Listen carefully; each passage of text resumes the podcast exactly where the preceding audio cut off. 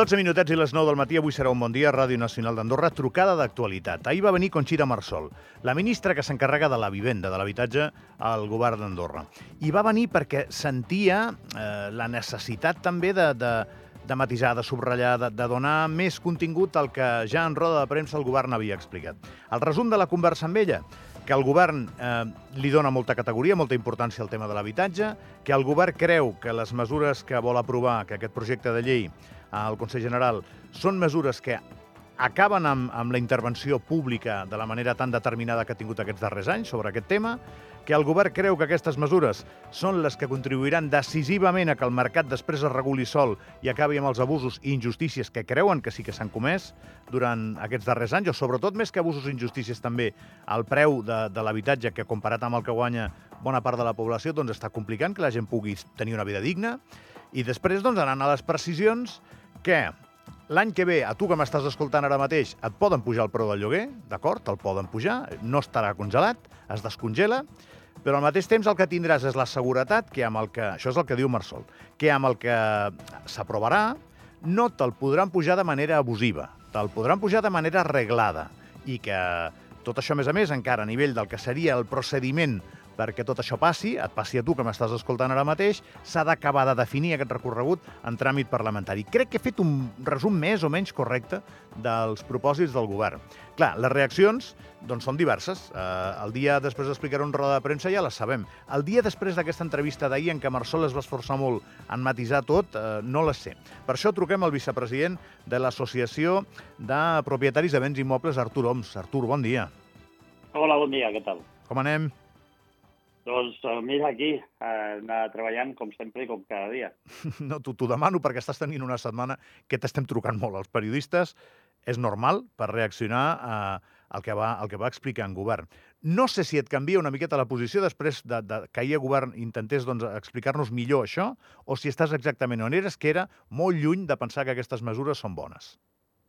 El primer que hem de dir, i, i en honor a, a la veritat, s'ha d'explicar les coses, les dos vessants, és que eh, el que sí que hem de dir és que aquests cinc anys eh, l'únic govern que ha fet alguna cosa per l'habitatge eh, ha sigut aquest i l'anterior.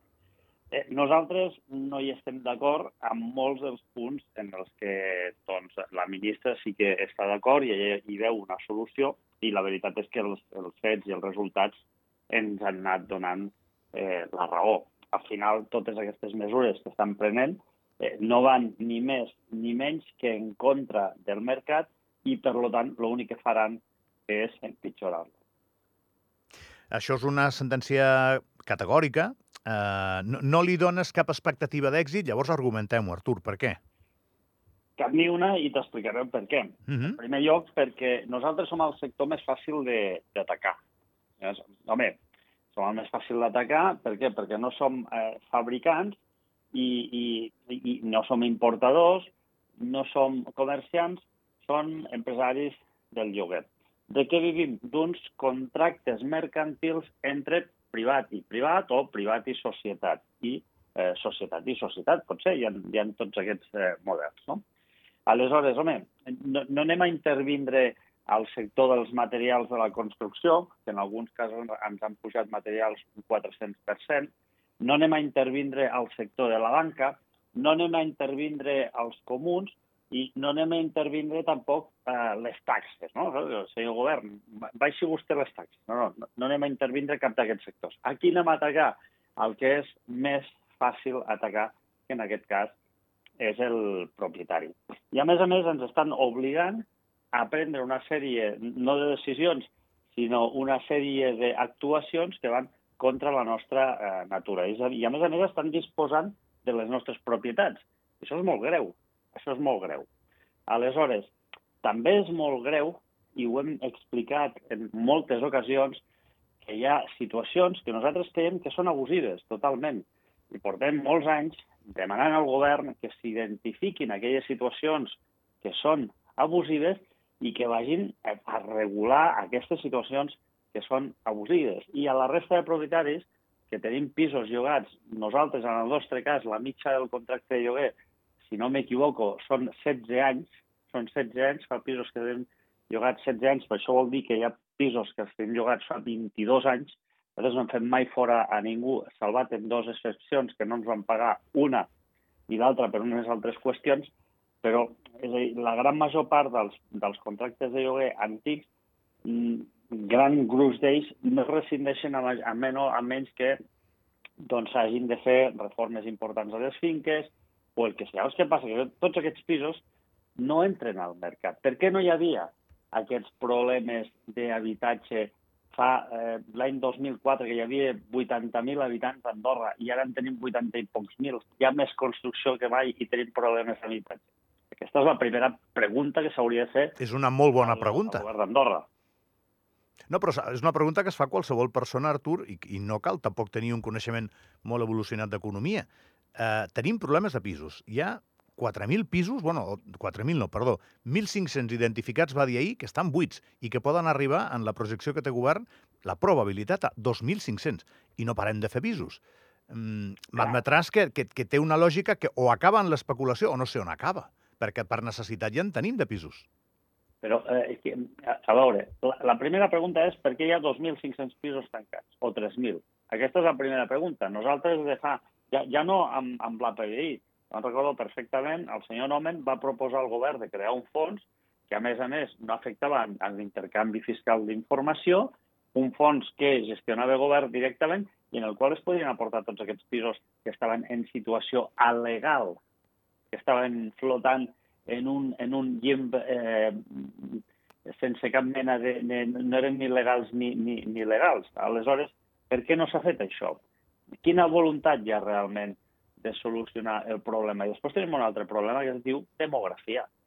La demografia a Andorra ha crescut d'una manera espectacular i no s'han fet pisos de lloguer. No s'han fet pisos de lloguer. Llavors, si no para d'arribar gent i no fan pisos de lloguer, 1 més 1 és igual a 2. 1 més 1 és igual a 2.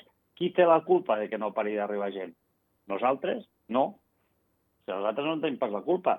Nosaltres el, el, el que portem molts anys reivindicant és, escoltin, senyors, deixin d'intervindre el mercat, proporcionin la seguretat jurídica que té qualsevol comerciant que nosaltres no la tenim perquè s'està disposant dels nostres béns. El que va fer a la pandèmia va ser algo molt greu, va ser algo molt greu, nosaltres continuem pensant que és algo molt greu, i de fet un advocat eh, penalista, ens va, un dels millors advocats penalistes que hi ha actualment a Espanya, ens va donar la raó en un informe eh, és a dir, teniu raó, teniu tota la raó, i nosaltres creiem que això, aquestes no són les maneres de d'anar a, a proliferar o a que hi més habitatge de lloguer. Si no es construeix pisos de lloguer perquè el propietari no, cap, no té cap seguretat jurídica, com, com vol que es construeixin, que hi hagi pisos de lloguer si no s'han fet bé i no para d'arribar? És que és aritmètiques, són, és, és una aritmètica pura i dura, són matemàtiques, no, no hi ha res més. Bé, Artur, eh, govern està convençut que fa bé les coses en, en això, que, que, que adopta una mesura, tu, tu els has reconegut almenys la determinació de, de, fer, de tenir una estratègia, el que passa que no la comparteixes en res, o pràcticament en res, no sé, i, i alertes que, que això ens portarà on? Eh, perquè això, bueno, això tenen, tenen majoria absoluta i ho aplicaran, on ens portarà molt, això? Molt fàcil, molt fàcil. Ara, ara estem a un IPC d'un 6%. Estem a l'octubre, que és novembre, desembre, eh, queden dos mesos encara per acabar l'any.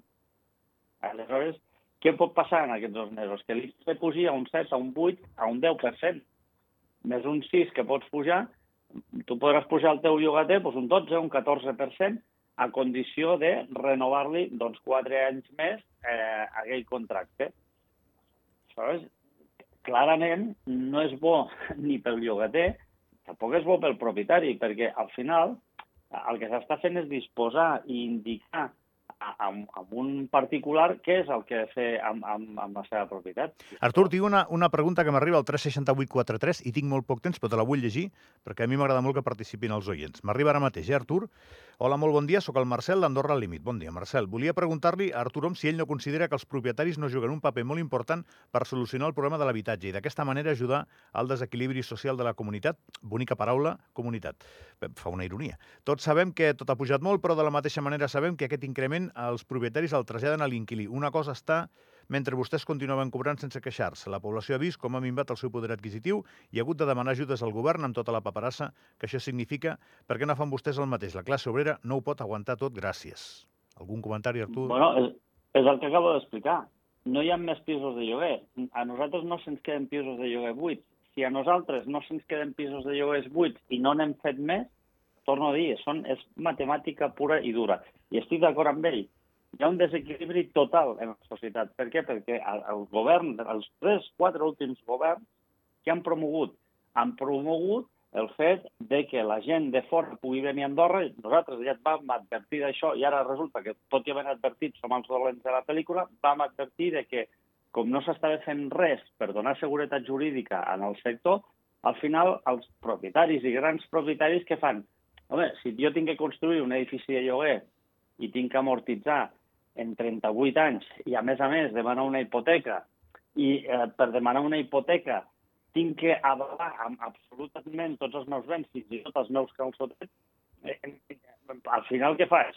Mm, venc aquell terreny o edifico per vendre, amb 3 anys m'he tret el que em trauria amb 40 i s'ha acabat la història. I això és el que està passant. I això ho han promogut els propietaris? No, això ho ha promogut doncs qui ho ha promogut. Totes les actuacions de govern i el fet de que el nostre sector porti, si no recordo malament, des del 2008 intervingut. És una bestiesa. Arturo és el vicepresident de l'Associació de Propietaris de Béns Immobles i l'hem d'escoltar, igual que hem d'escoltar a tots els representants que, que tenen opinió eh, perquè això està fet de moltes peces. És un Lego gran, això dels, de l'habitatge i del lloguer, i els propietaris tenen doncs, aquesta versió dels fets. I Artur ens escolta, en, ens agrada escoltar-la i, i la consultarem sempre que sigui necessari. Una abraçada i bon dia. Gràcies i molt bon dia. Que vagi molt bé.